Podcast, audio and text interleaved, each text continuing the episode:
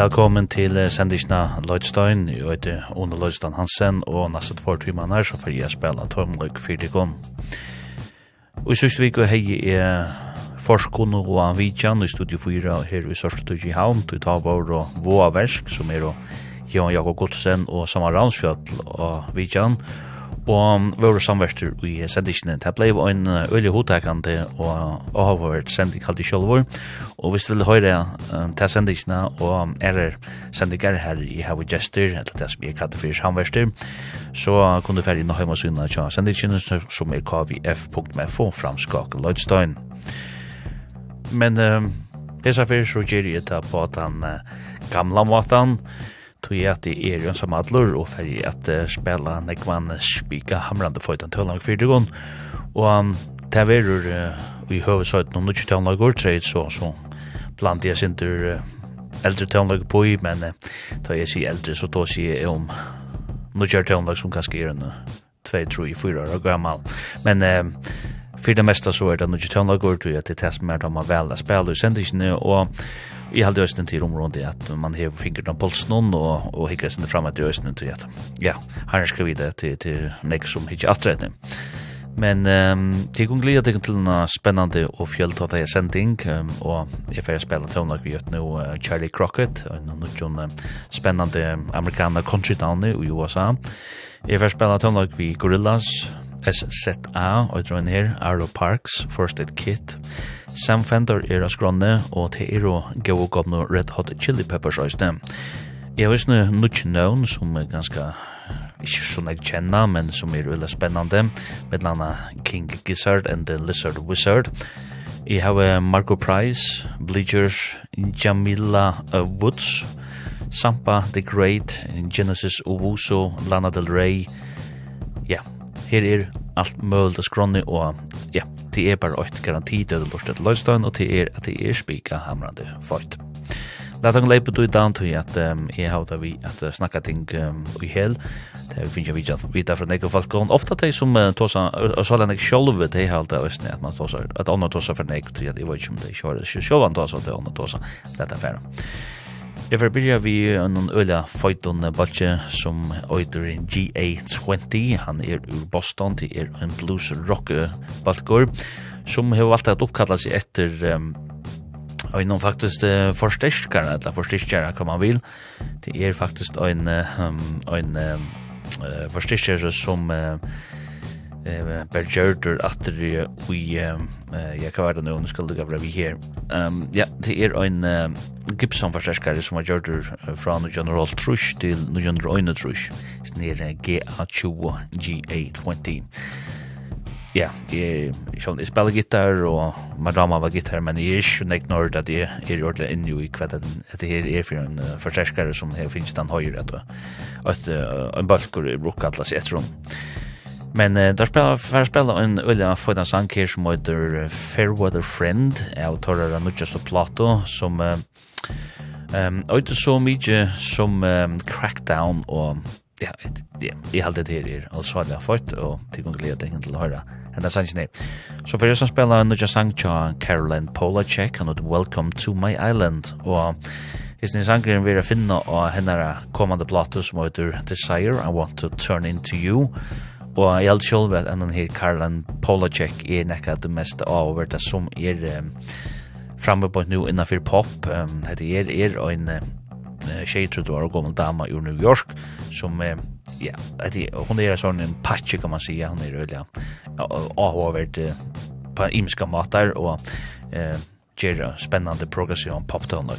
Nå, no, men vi byrjar vi en ära spännande amerikanska damos som spelar under namn Mitski. Mitski Ehm um, hon er godt nok uh, japansk. Hon uh, den her Mitski, som sjón ligger i navnet, hon heter Mitski Miyawaki, men uh, brukar bara Mitski. Og hette her er en sånn ommalare darling til at uh, alt som hon gjør ut, til for ødelegge og møte og selge ommalaren. Uh, og jeg tror ikke lov at jeg ikke er klar grøyre i hvordan kjent hun annars er, men, men jeg er samtidig at uh, tønlager som den her 32 år gamle damen ur New York gjør er spika hamrat fighter som jeg sier. Og hon gav en plate ut i 2022 som heter Laurel Hell og en plata som alltid var å finna og listan i de beste platene som kom ut i fjør en uh, serie spennende, god plata og Og så det er flest å tja seg her Mitski Ero. Og jeg får spille en sang av platen her som heter uh, Shut Up In Me, og han kommer her.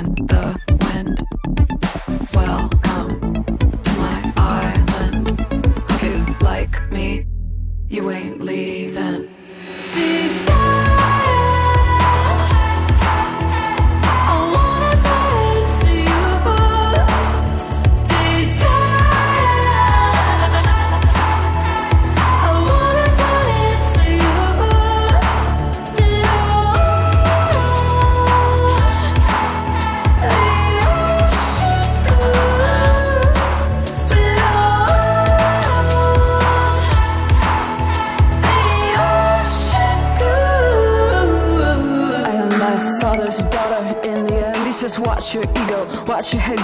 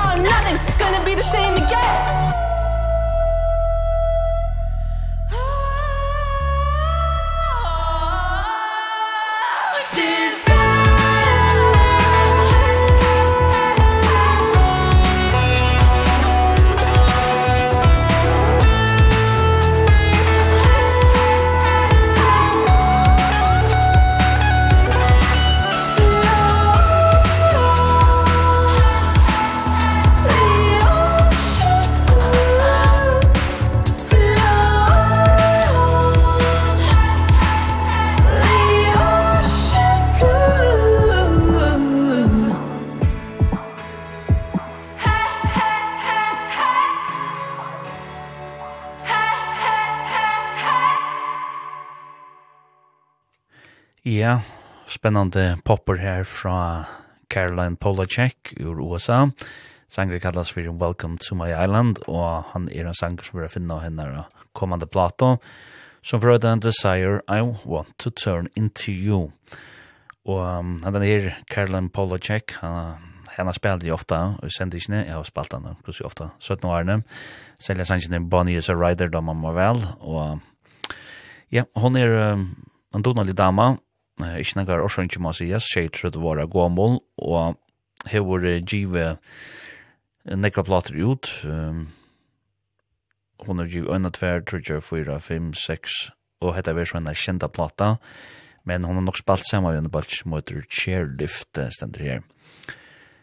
Og under navnet Ramona Lisa, er det sånn det er en lista kvinna den her som uh, prøver investing av, og jeg tar høyre sant, jeg tar noe noen, og og det er nøydelig å komme fram an i kjøsene jeg har lurt etter Karlan Polacek og Jadlar Ræver, men er kommer fram an og har damt alt det som hun gjør ut så det her er nekka som jeg vil fylltja fram et gleder meg til disse platene, og skal komme ut i februar sånn det Arnold har du Karlan Polacek så har du vidt henne her Boston Blues Rock Bulletin som heter GA20 GA20 og et navn som drar tidsi etter og noen forsterkere, eller forsterkere, en Gibson forsterkere fra 1903, eller som var framløyte fra 1903 og til 1903, fra alt rush noen bare så bliva. Jeg ser kommer jo Chicago's fyrer ned, spiller han blues Danmark, og mer da var vel blues rock, og dette her er akkurat nekka fyrir meg. Og jeg som sanger jeg finner at her er 2022 plats som heter Crackdown, så jeg fyrir lust om året til snir, som de kunne ganske vanta at høyra måret til henne hibaltjen, eh, sødne. Og så var det Mitski, eh, japanska, amerikanska Mitski, og henne Should Have Been Me, og henne sanger som jeg finner av henne er Nick Rust og Plato som heter eller som øyder Laurel Hell fra 2022 og ja, iverhøver en øyda sterske tannustakvinnan han her, eh, Mitski, som eh, er 20 år gammel og ur New York.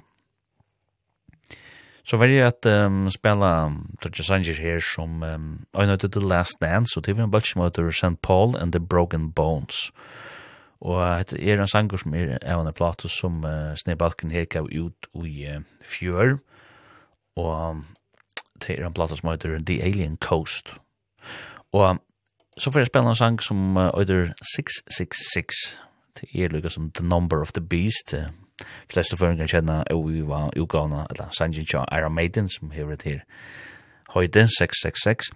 Eh, men eh, til er som Jeremy Messersmith, som hever kjiv en her sangen ut, mykje sangen tja honom, eh, her han spela seg vi etter her, The Number of the Beast.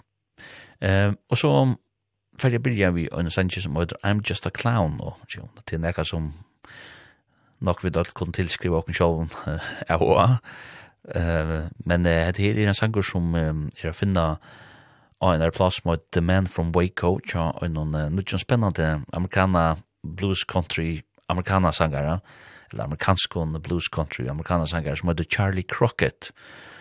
Han er 8 år gammel ned, og hever vært sin der um, rundt omkring, um, jeg vil nok uh, tullje løven og være uh, i høsla vi uh, lavar en lenka arm og sitter i fangslig korsa sunne fyrir jeg har selt uh, russevner og svarnaka men uh, han er så uh, kom fyrir seg og har fattet seg som uh, sanger og sangskrivar og er um, altså alle spennende og virkelig av er fram. Hvis dit uh, um, skal si om kjennas ved navnet Crockett, så sikst òsne at han er uh, i familie med den her Davy Crockett, som uh, ja, er en sånn amerikansk, amerikansk legenda.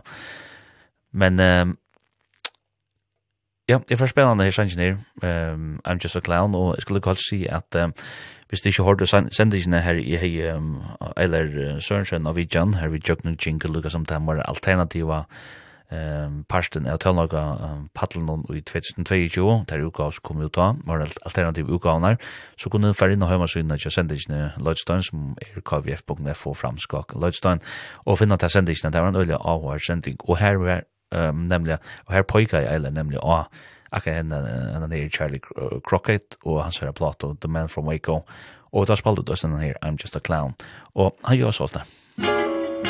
Musikk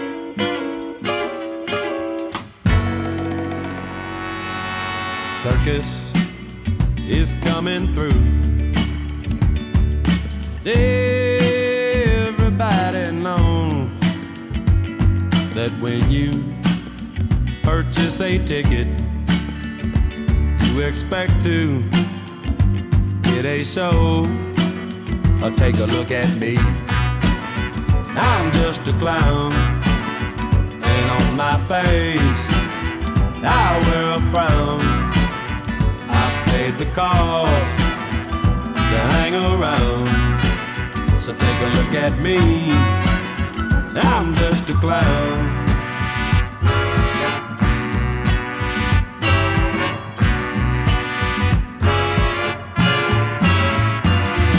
Joker stands in the middle and turns a trick for you. Because sometimes you know it's better to be thought of as a fool. Or take a look at me. I'm just a clown. And on my face I wear a frown. I've paid the cost to hang around. So take a look at me. I'm just a clown.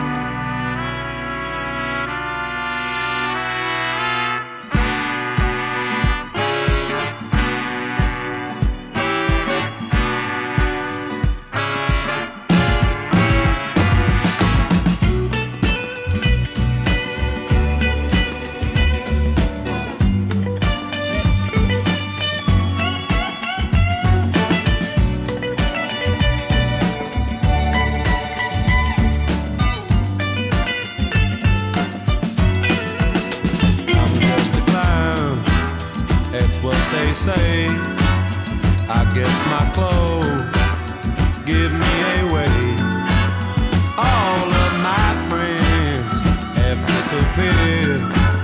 You know it makes me wonder if I was ever here. Take a look at me. I'm just a clown. And on my face I wear a frown. I've paid the cost to hang around. So take a look at me. I'm just a clown.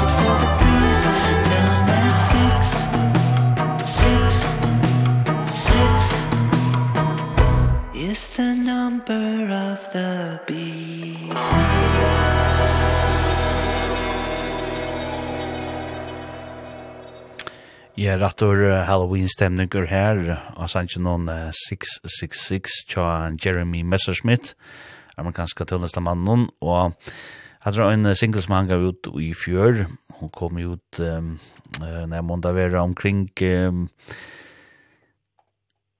ja.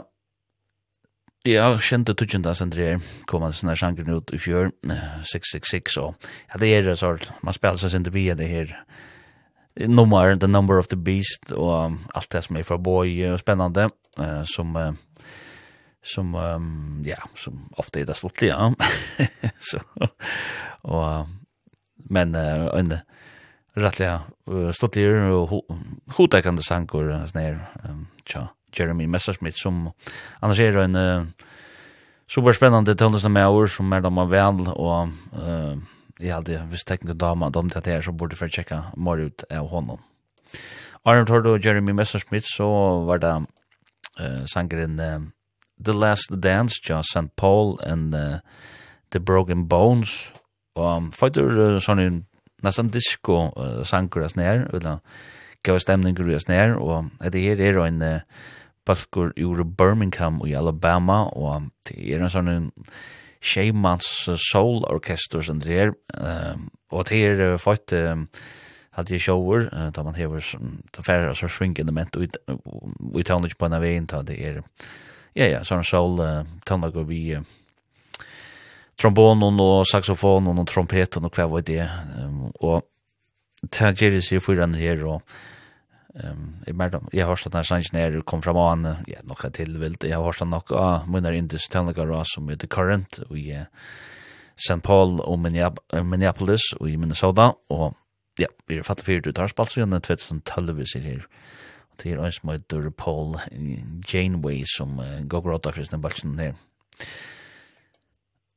Og den første jeg som sangen som palte gjør, det var sangen I'm Just a Clown, nekka som uh, flest av okkur kunne ja, og og kunne si om Håkon Sjölven Sjölven er jo annet i at det er ofte at man, man er en kloner men uh, det var sånn som er Charlie Crockett som sier det og han er en spennende blues um, country americana tøvnlista med over ur USA og um, han er i røysten som Jim Neck ut nå nevnte jeg at uh, han ble spalder ta i vi dro 18 av tøvnagar i 2022 og Og at at vi mora alternativa, man front og non, alternativa platnar som kom ut, og her ble sninn endur, men i var også han er spalter spalter i okkara fralig og sending her i utvarspunn som heter Jambalaya, som vi sender leir det klokkan 8, og kan steile ved mannlast hvis man damar amerikana country tonelike.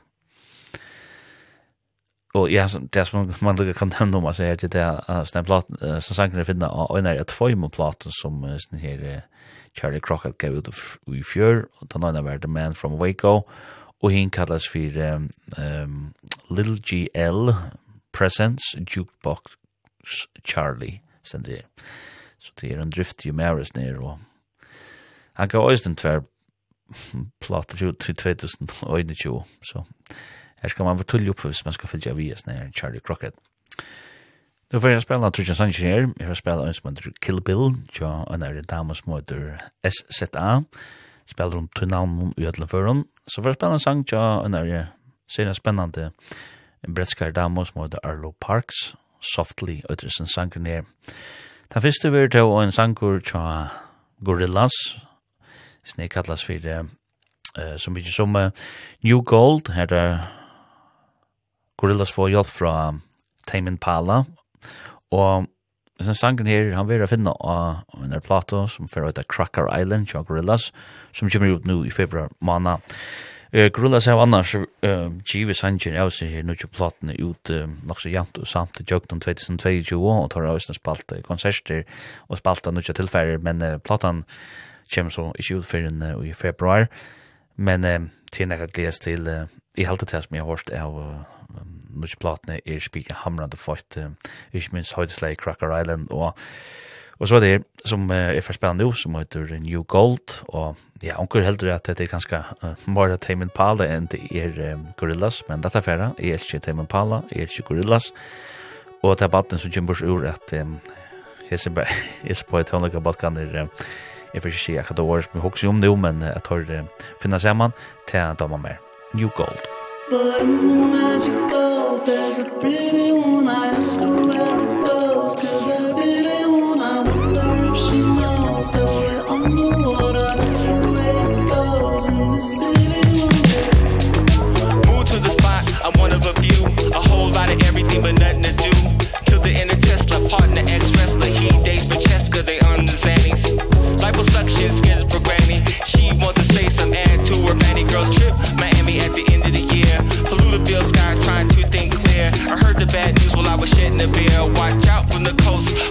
fear. We all play a part in the devil's chair run to the hills cuz the end is near. There's a real one I ask where it goes. Cause I really wanna wonder if she knows the way on the water that's the way it goes. In the city on the yo a desolate city where hurts to smile. Ran into the river since it's been a while. I'm raining in a rando she's a social scandal. Give her such a handle when it's too much to bear. He boys rated the mayor like Sean he's a writer took on it there now he's singing like a birdie pulling on his hair. Trending on Twitter's what some of us live for. Branches giving out fucking revolving door. All of this a joke? Pauly Shore bullshit keeps coming. Maybe I'm a matador. What are we living for? Are we all losing our minds?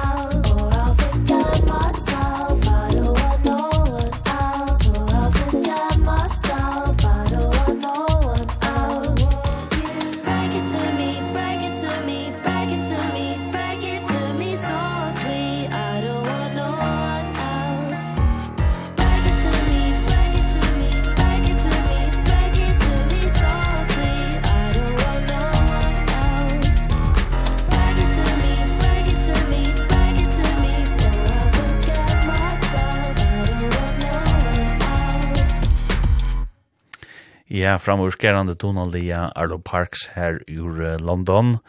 Vi er sanns no softly, og en sanger som fer at uh, vi finna henne nasto plato, eller det vil si, henne er ære plato sambarst. Um, Maltøyden og kringvarpen, jeg får jo kjelt at jeg sier nasto platene, men uh, du er den platan som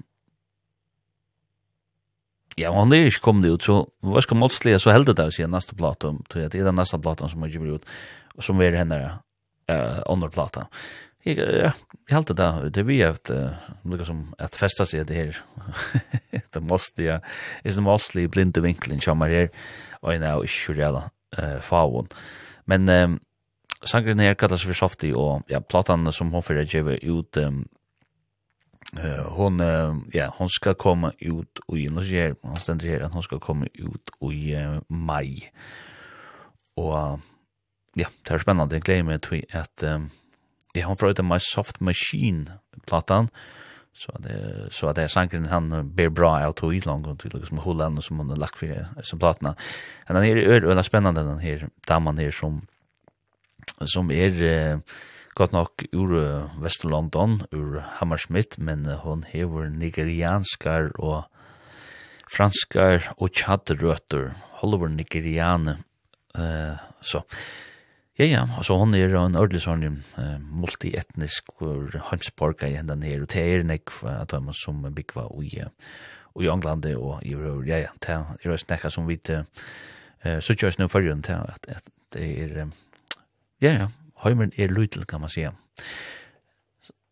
Arne, vi tar då Ardo Parks og henne er softly, så har du vi døyliga sangen Kill Bill tja SZA, Det her er en spennende dama ur uh, USA som spiller um, Rhythm and Blues, Tone Like. Hon um, er trydrud av gommel, og etter uh, Solana Imani Rove, og er... Um, um, ja, ja, en, uh, en dama ur St. Louis, Missouri i USA. Og den her platan som hon gav ut i fjør, hon øyter SOS, og det er uh, under utgaven til henne. Og Og hon kom ut av platefellan Top Dog Entertainment og RZA Records. Og hon kom ut i desember i 2020, så hon er rettelig nødgjent denne platan her tja, RZA. Og jeg var bare spennende navn, men da var vel høyre nødgjent til hun ikke tog at jeg er den største R&B soul fjepparen, men er det godt, så er det godt.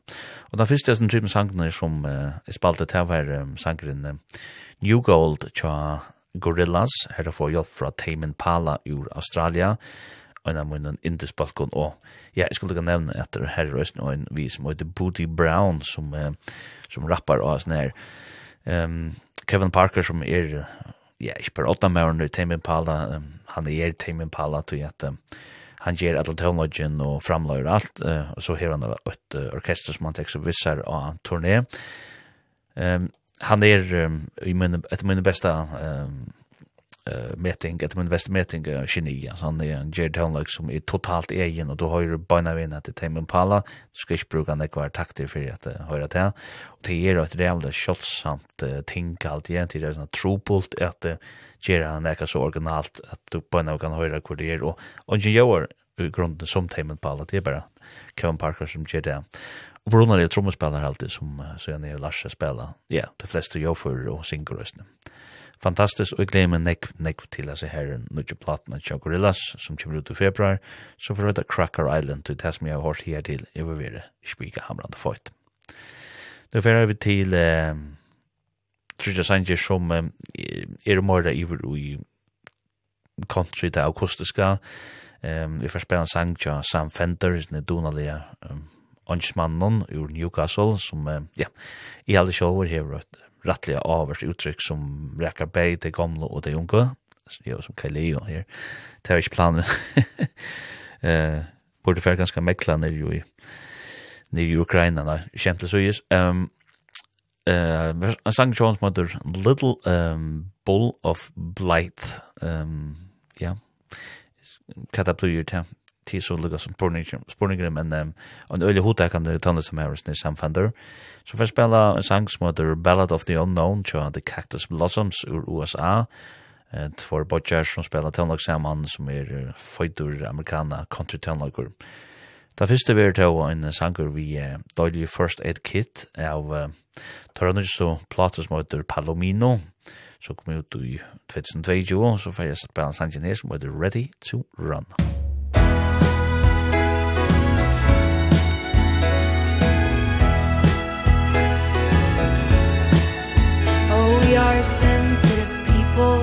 afraid to say the wrong thing. So i walk home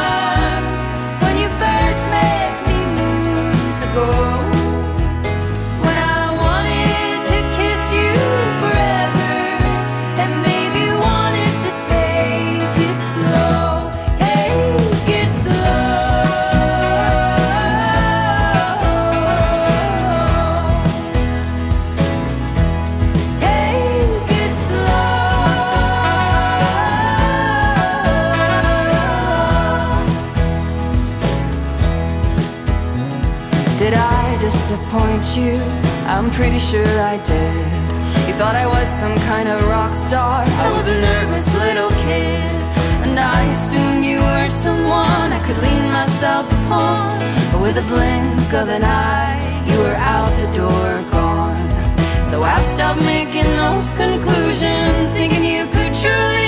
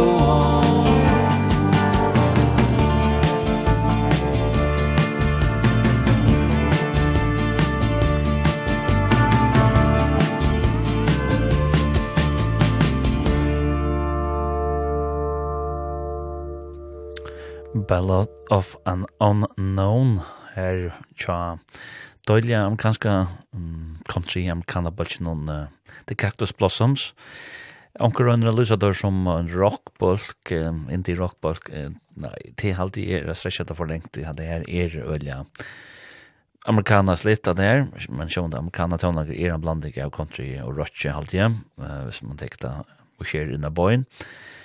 Men uh, døylig tøvnlokker er det under ødlen føren, tjasen her var om botjenon som øyda Jack Torrey og Paige Borkom som mannen det her, bodgen ur Minneapolis som Minnesota. Og kvita så øyda så imisk etnavn tøyder og botjer, ja, det er så en uh, spurning som jeg synes spyrir med sjåvan, det må vel være øyner oppkallar etter pavanen og en etter mammane.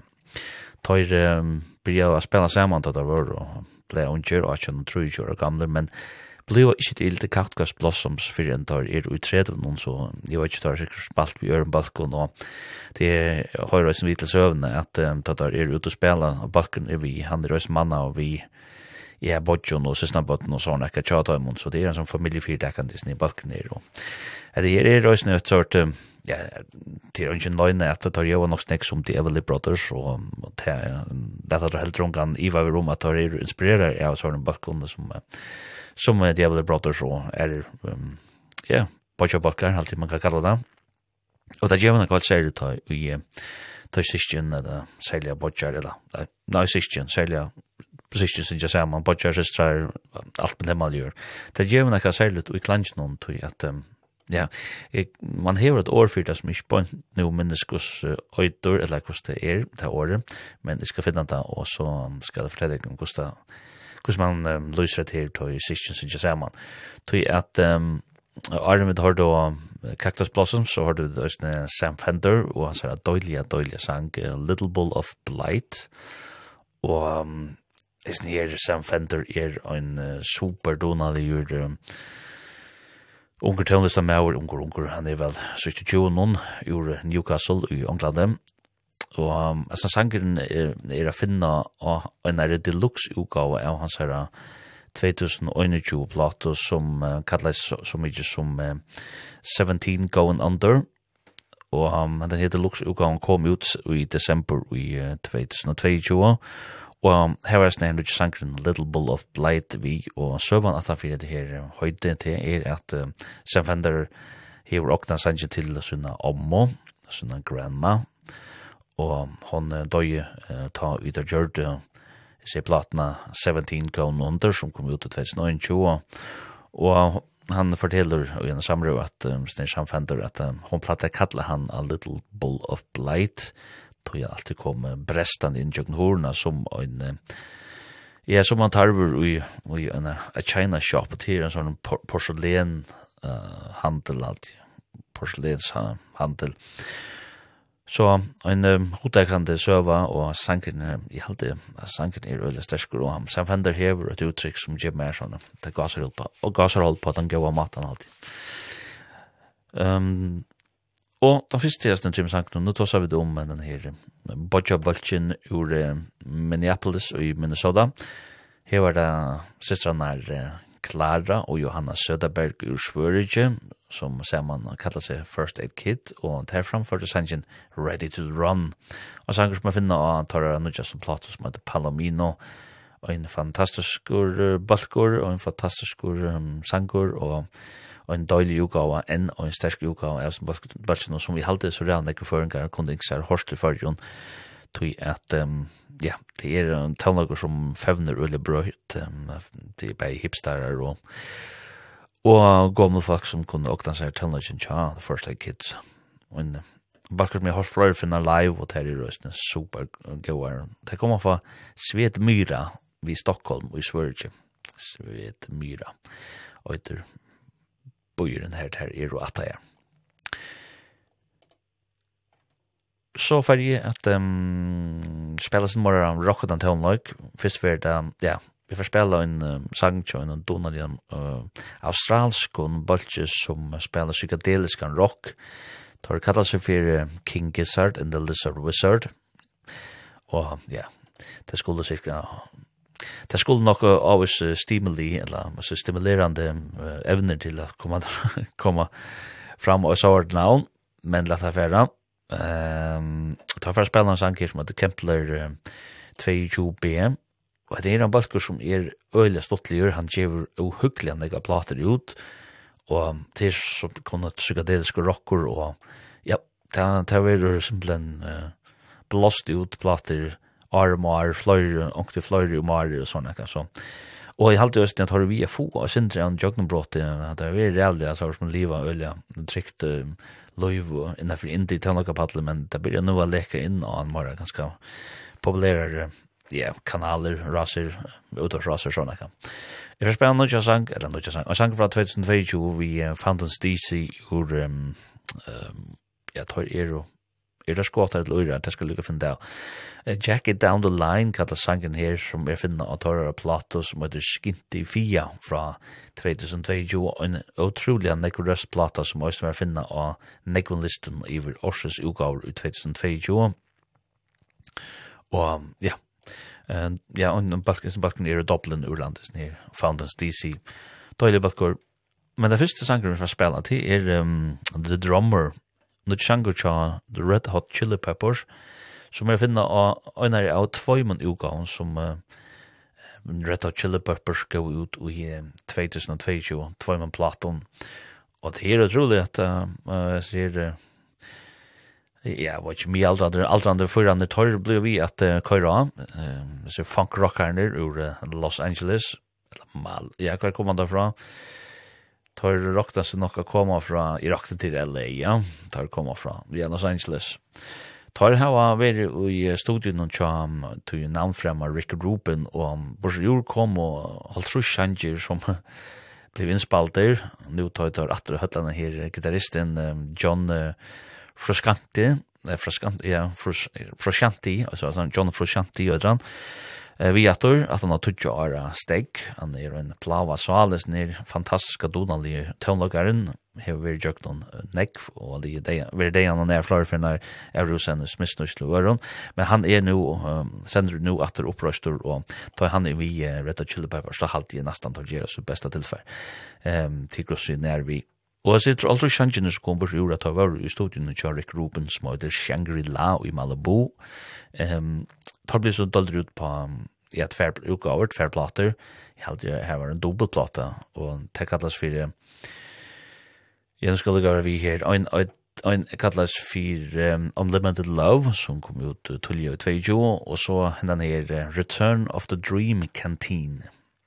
Og det her er just nye sangen som er for spennende jo, som heter The Drummer jeg finner, og jeg heldig sjåver at det er nok så spennende, det er sånt øvelse uttrykk fra Red Hot Chili Peppers, og han til er nye John um, Frusciante, som, eller Frusciante, som har spalt seg i studion nå, og um, han er sier seg være nekve inspirerende av Øytnum Brian Eno og Roxy Music, og, og han tidsjer nekkar, tidsjer synder av fralse vi at uh, køyra Røtter og ljåfer jokken i muskting i studion og tja, her um, Rick Rubin. Og ja, til kom med landesnisangren som heter The Drummer ut av. Ja.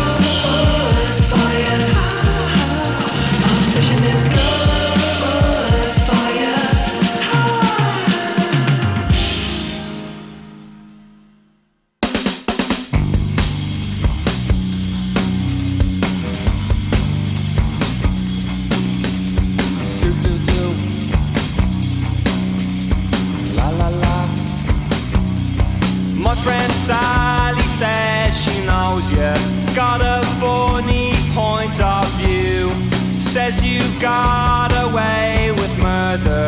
Maybe one time, maybe two. Something happens in the morning When I can't see those failing eyes. I can't find a good word for you. Does it come as a surprise? I don't think we'd rhyme.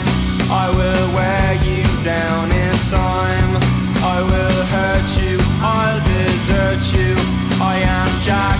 down the line. Said this Ali about a future. Before you bought up her as well. If all you want is an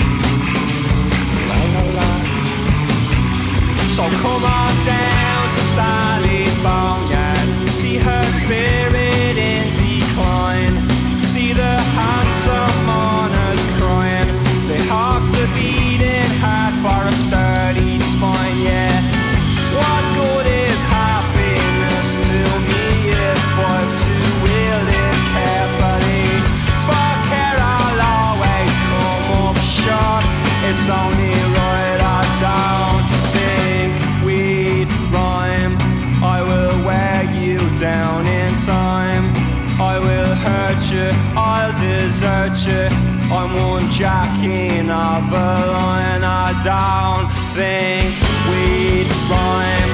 I will take all your time. I will choose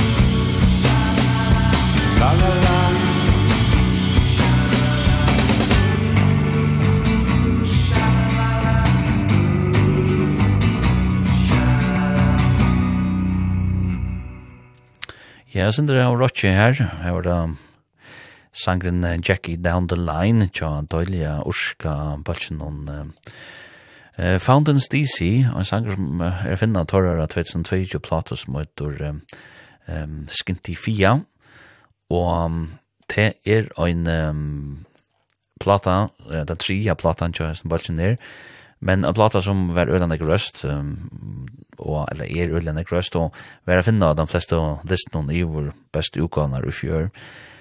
Og jeg er slett ikke samt at det her er ødlande stersk tøvnlist, um, som post-punk, um, hva kallar man det her, post-punk rock, eller bare post-punk. Og, og en balkur som, er, ja, jeg halte, jeg verder halte eia vi, hvis man damer heter sleia tøvnlokk, og det som det gjør er, ja, godt. Og Arvid har då um, skint, ja, sangen kallas for um, Jackie Down the Line, tja, Fantastisi, jeg tar platt og skintifia. Så har du vidt uh, den her uh, psykedeliska rockbotchen ur Australia, som uh, hever selja navnet King Gizzard and the Lizard Wizard. Kempler 2B kallas uh, sangen som der spalt då, og um, jeg halde Snibalken er rettelig hodtakande, um, rettelig vilt uh, prosjekt, viltlebalkur som gjør høyla nekk ut, og det som, det som spekulerer bak at det er Kempler 2b er for nekka, så er det en exoplanet kallar det her, um, det er en planet som er utanfor okkara um, solarsystem, eller ja, okkara egna, ja, sol, solsystem, og um, uh, og det er um, Ja, den här planeten hon som heter Kepler 22, hon vill rakt som en planet som minner ganska sin från jorden och ganska ska vara dubbelt så stor som eller två tvärfinna så stor, två fall så stor, stor som jorden och ska vara lika som oj oj kringras om en planet som minner om solen. Så kanske har jag hört en tanke om att kanske är lövar ut dem, det hei vi rundt av det hvis ikke vi er, men um, til, til nok det som ligger i Jeg tar det da, for får man si, jeg tar det hodtikkene i avhøysen i Kempler 22b, planeten, et eller annet, gongstjøtene som velta av etter førskånd. Men det sier her, uh, King Gizzard and the Lizard Wizard tar, tar jeg givet, jeg vet ikke det, i all den her platan som uh, sangen jeg finner, det var han som heter Omnium Gatterum, at the gate room, omnium gate room. Og det var 20. platan jo dem, og da hun går ut i 2022 og tok ut av restene changes og tver era plater ut. Det er en balker som jeg tror var tver era som også med Made in Timeland også. Allt är sjön de plater också singler og sånne kan nej det studioplata så gå ut och trutcha studioplater ut i 2022 till er pura etan svakt i eisen. Ja, det gjør det så. Nei, tar jeg gå og...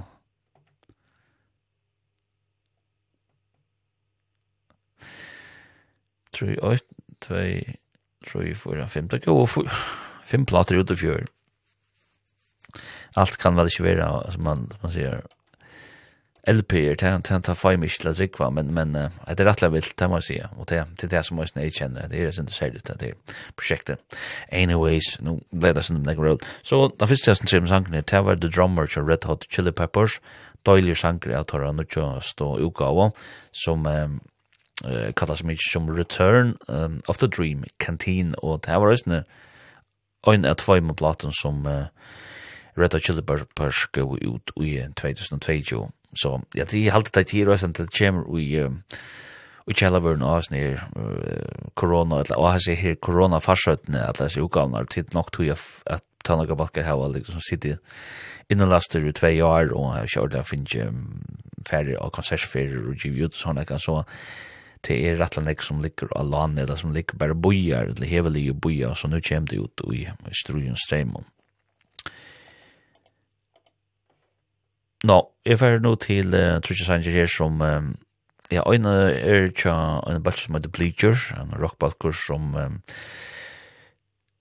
ja, um, jeg kom med kjenne til at jeg datt om en uh, sang som uh, Bleachers hadde givet ut sammen med um, Onken Earn and the Boss, og til jeg kjenne det Bruce, Brings, uh, Bruce Springsteen, og at han som stender etter for det her um, Bleachers, er som heter Jack Antonoff, og han er rettelig kjent opp framløyere. Jeg var framløyt nek, nek han føyt en tøvnløyk, og han er så givet en platt ut, eller gav en platt ut i 2009, som heter Sadness, Take the Sadness Out of Saturday Night, og det var en sånn tria studieplata, som han fikk crushed in the middle at han framløyre en rikva av Tinkon. Um, og så, ja, vi har vært sånn snill sangen her som øyter... Uh, How Dare You Want More uh, og til platene og han fyrir spela og så var spela han ikke sang jo en her som heter Jamila Woods og en spennende dama ur Chicago i Illinois 33 år gammel og um, hon hefur givet en uh, sang ut i 2020 som kallas for Brown Trees og um, jeg heldig sjåur han er vilja føyter Det fyrste var det han spilte brand nødgjør sanger tja Marco Price Radio kallas han, og hon får hjelp fra ungenøren enn Sharon von Etten, og som sangen her, sangen er finna, og henne er, ja, som sagt, spilte noe plato, og nu skal lukka vi vik som nek, og hon øyter. hon øyter så mykje som uh, stay, nei, Strays, og han til i fjora studieplatan tja hans er her amerikanske kontrastjøttene, Margot Price, og som er dama vel, hon hever gåan kant, og um, ja, njóte seg løtten her, uh, radio, og det er Marco Price, og så er det Sharon van Etten som også nu hjelper henne vi sanns ned.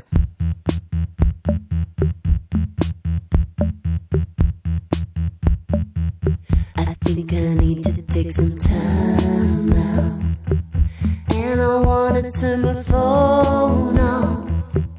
I just wanna be alone.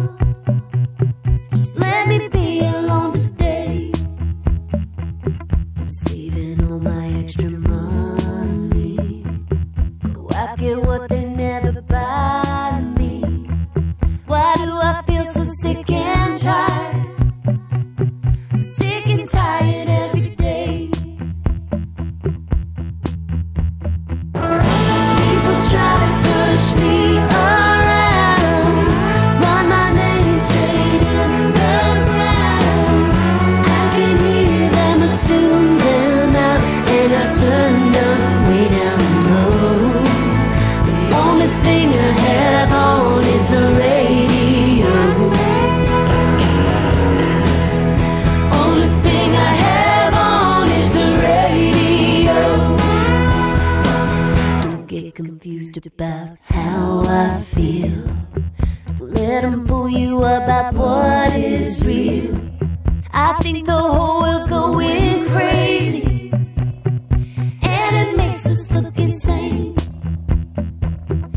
But all this thinking makes my head hurt.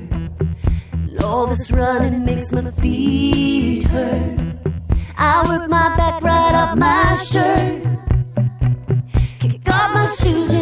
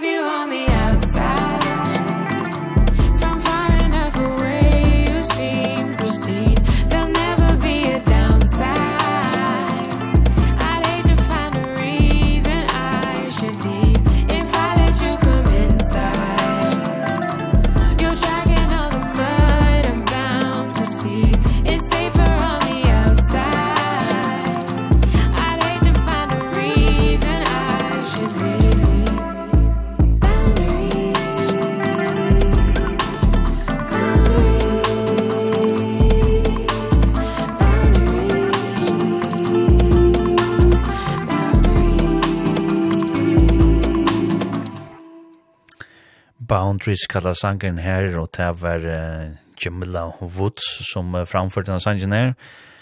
Uh, ikke sørst, uh, hva skal jeg si, myntes en drum Shade fra Forsnån, hvis du spørst med. Nå er jeg ikke noe gammel til å minnes Shade, men hun er sjån det liv igjen, men uh, kanskje skjut hent uh, mittlen uh, ung folk, eller folk og det, men uh, jeg fikk en sindre ja, sindre av sånne vibes, sjade vibes, jeg var sånn sangen her, Døyla sannsyn møter Boundaries tja Jamila Woods som kom ut ui fjóra sankene. Og da så hørte vi det Bleachers, eller den her som heter Jack Antonoff, som er høvesmæren atanfor Bleachers. Vi sannsyn How Dare You Want More, en, um, en sanger som uh, er å finne av um, platene Take the Sadness Out of Saturday Night som kom ut i 2021. Uh, platene tja, jeg sier, Snip Bleachers. Og da fyrst jeg den trymme sangen som vi spalte her, det var sangen um, Radio, tja Marco Price, her hun fikk hjelp fra Sharon Fanetten, og det er en sanger som er å finne av henne spilter, nødje plater som heter Strays, og jeg gleder meg at uh, kava nir ui i platna og lort etter ötlen tøvnasjonen, tog jeg mer damar oanmyndelig vel Marco Price, hon er en uh, ser av over til tøvnesta kvinna som, um, ja, som hever kant, hva som spiller eh, country og um, ja, country tøvnløyk, moderne, det er nok moderne country tøvnløyk, vil jeg sagt. Um, jeg går skulle man lysa da, hva det har vi der. Um, ja, ja, outlaw country kallar det også, det er det som kanskje skiljer seg, sin borsi gjort i vanlige. Så det er ferdig jeg gleder meg til, og at det var en Vi kan går en øyelig god sølv-tale, sånn her sjanken her fire platene. Mm Og jeg kan lukka si om hans i Marco Price at hun er 23 på Ara Gåmål og kommer ur Alendo, Alendo, al, uh, nei, Aledo, Aledo, Illinois, ui, Aledo. Ikke en boi som jeg har hørt om fyrir, han kan ikke være seriøst over Aledo, ui, Illinois, ui, USA. Men, um, det var her hun var født, men hun bor nu i Nashville, Tennessee.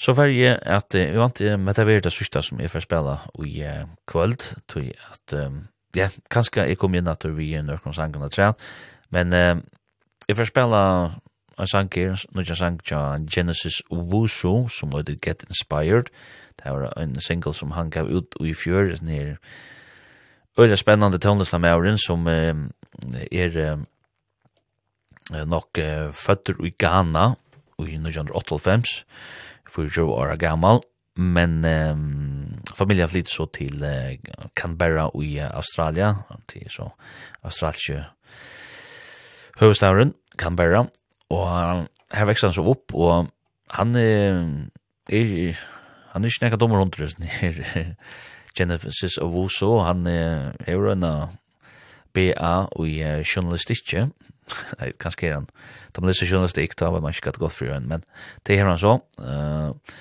og det er han lise, eller tidlig, og lærte å ha skolen, og kan bare ut 2018, han er også snidjur sånne ekne klæger, og hever, ja, sånne ekne, ja, sånne ekne, sånne ekne kladnamersk, kan man kalla det, og så at det her er en ølja avhåvertur med ord på nekka matar, og så gjør han også en reda spennende, og, ja, hva skal man kalla det, gåan tøvna kalli jeg, så at det er innanfyrir så er hiphop, funk og sånn rock og døysne, det blanda, det som man gjør ut. Og Takk om det gleder deg til. Det er som gleder deg til å høre andre sang til Lano Del Rey, som øyder Did You Know That There's a Tunnel Under Ocean Boulevard? Og til høytsleie av og nukje platen til henne som skal komme ut i mars måned halvtid med kunne lese fram til her. Og her om et landa samstavar vi sånne Lloydstone Darling som Father John Misty, John Baptist og så er snir Jack Antonoff ur Bleachers uh, arbeider sammen vi og hans platene så det er nekka gleda seg til uh, vant jeg Men det første sangren vi får spela, og det er sangren uh, Let Me Be Great tja Sampa The Great. Og Asna Sanchen er fer hos og hjelp til som man kallar for featuring. Uh, og til rønnsjen ånder en um, Angeli Kitcho som var uh, og størst navn i 15 hon uh, som uh, hjelper henne av her.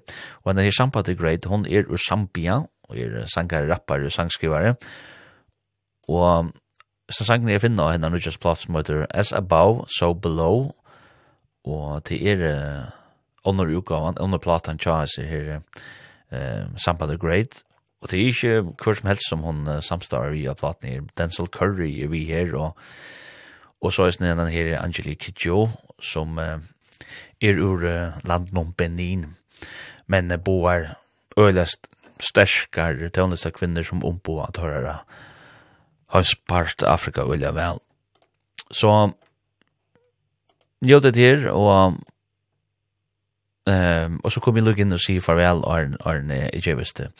Men um, Let Me Be Great, Samba the Great, featuring Angelique Jo.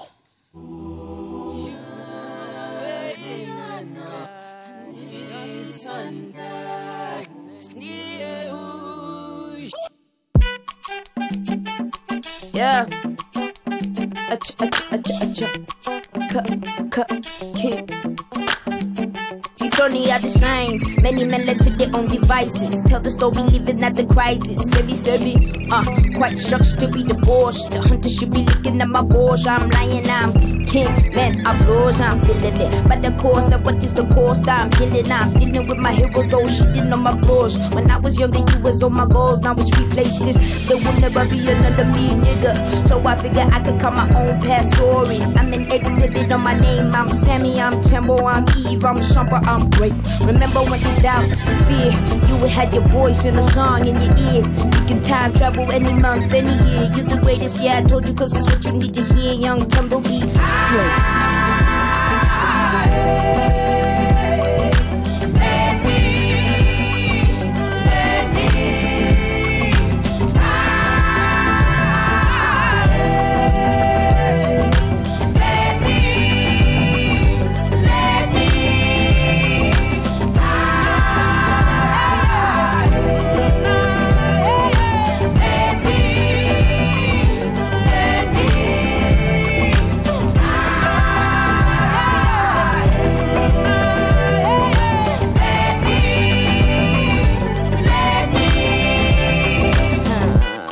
ever, ever, and never, ever, and never, ever, and never. I'ma be great. Huh. Hey, you can never fail Where even when you fall, you prevail And you can never lessen with the lesson. And I've been pressing. So it's not about impressing, I'm expressing. And every path I pay still stressing. What Simon said, stay in your lane. If I stayed, I'd be playing with them little wine books. Singing Tupac books, still ignoring The fact that the queen ain't roaring. So that you can conquer any hill. That's how I feel, that's how I feel. My vision, I'm impeccable. Every strain gained, every stage detectable. Look into the future, full vision, no spectacle. It's legacy, it's what I see see huh. remember when there's doubt fear you would have your voice and a song in your ear. You can time travel any month any year. You're the greatest yeah I told you cause it's what you need to hear. Yeah I'm gonna be. great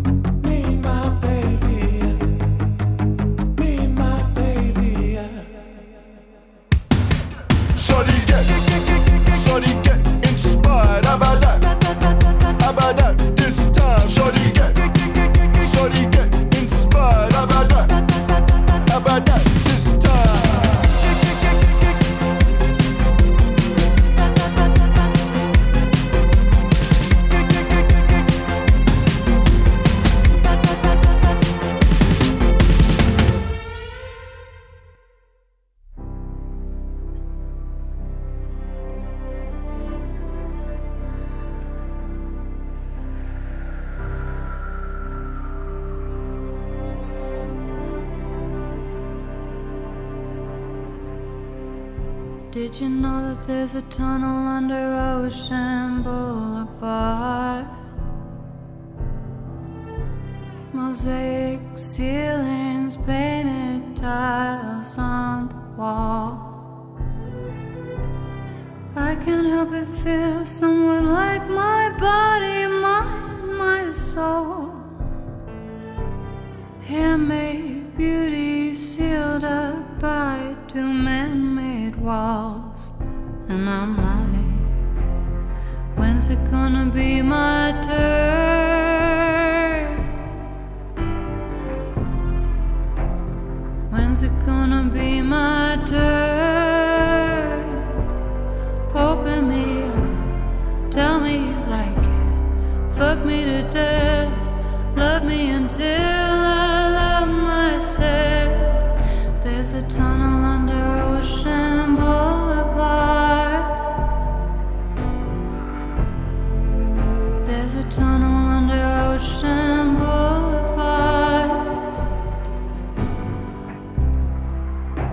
There's a girl who sings Hotel California. Not because she loves the notes or sounds or sound like Florida. It's because she's in a world preserved Only a few have found the door. It's like Amarillo, only silver mirrors running down the corridor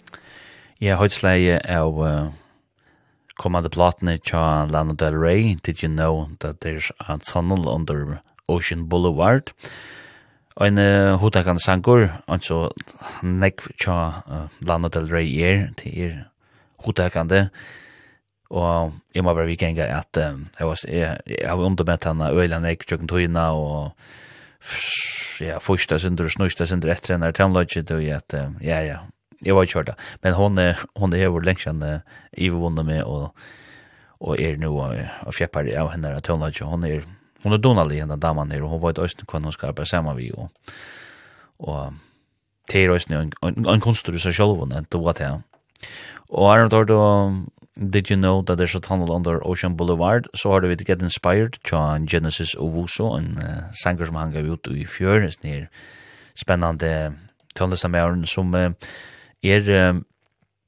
eh fatter i Ghana men uppvuxen nok i Canberra i Australien. En hip hop funk punk rock ja.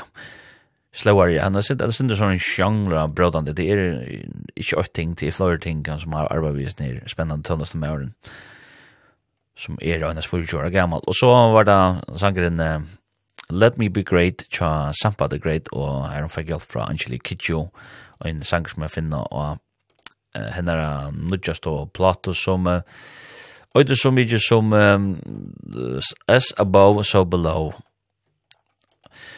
Og ja, jeg var så enda sender ikke navn vannet høyde nåttis og tøymanner her. Vi er mer og munnen spika hamrande tøllage spika hamrande føyden tøllage men østene vrøvle men eh, jeg får spela en sang tja døyliga italienska bacchinon som heter Måneskin eh Lafine, la, la, ja, Lafine. Ehm, um, en sang som man finner nok jo platen ikke tøymes med Rush, og jeg ser Måneskin eh, er jo det frieste som er kommet bort ur uh, Bildi Grand Prix og i en Nek nekv år, ganske, ja, ganske så en, jeg vet ikke hva man skal si, ganske så en appa, hvor vet.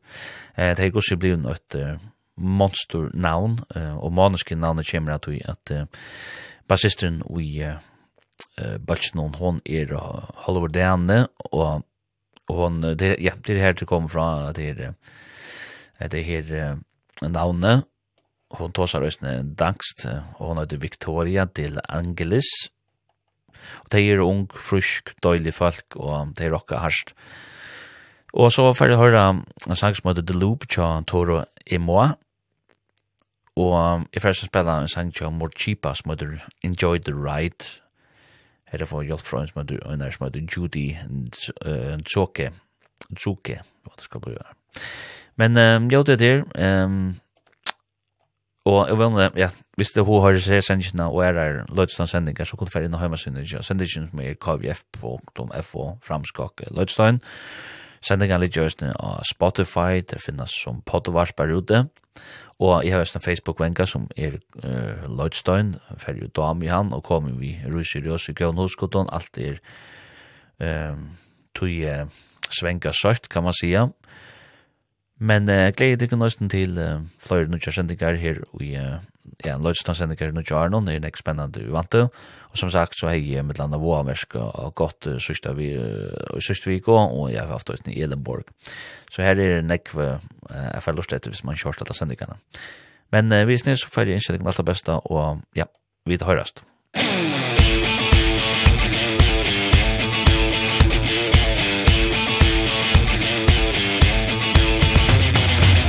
Sveglio del passato un anno ah, e quel che sono ancora stanco ah, con la valigia sotto braccio ah, Non so nemmeno dove vado.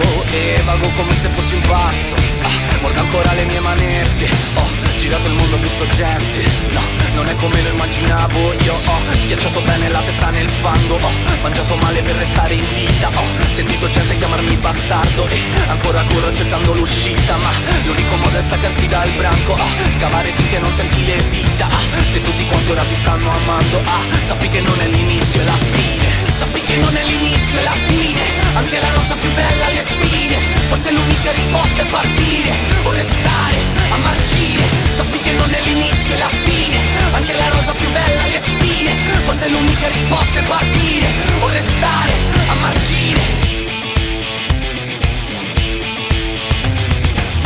idea di come ci si sente. Ah, Avere il mondo fra le mani. Ah, Come contasse veramente ah, Come se fossimo speciali. E invece ci rimane niente. Un pugno di mosche tra le mani.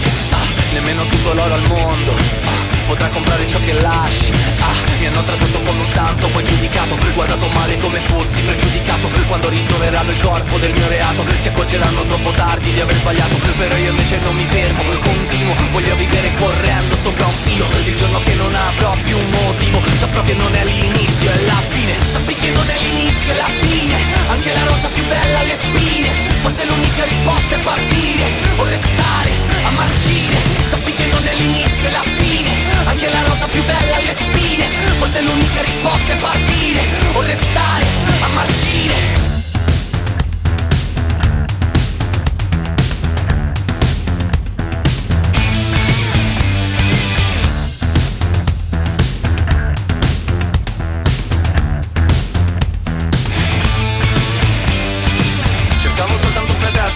questo per smettere di andare dove gira il vento trovare luce prima che tutto sia spento. Sono sarà lo stesso Cercavo soltanto un pretesto per dire questo Per smettere di andare dove dire al vento Trovare luce prima che tutto sia spento E se non mi amerà nessuno sarà lo stesso. Sappi che non è l'inizio e la fine Anche la rosa più bella ha le spine Forse l'unica risposta è partire O restare a marcire. Sappi che non è l'inizio e la fine Anche la rosa più bella ha le spine Forse l'unica risposta è partire O restare a marcire.